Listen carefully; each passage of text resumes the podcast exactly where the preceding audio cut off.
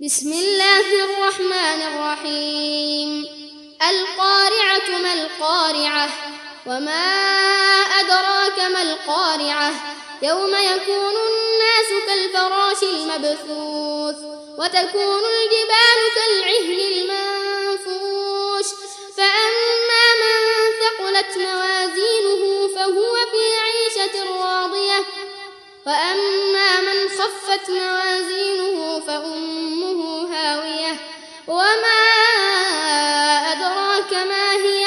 نار حامية.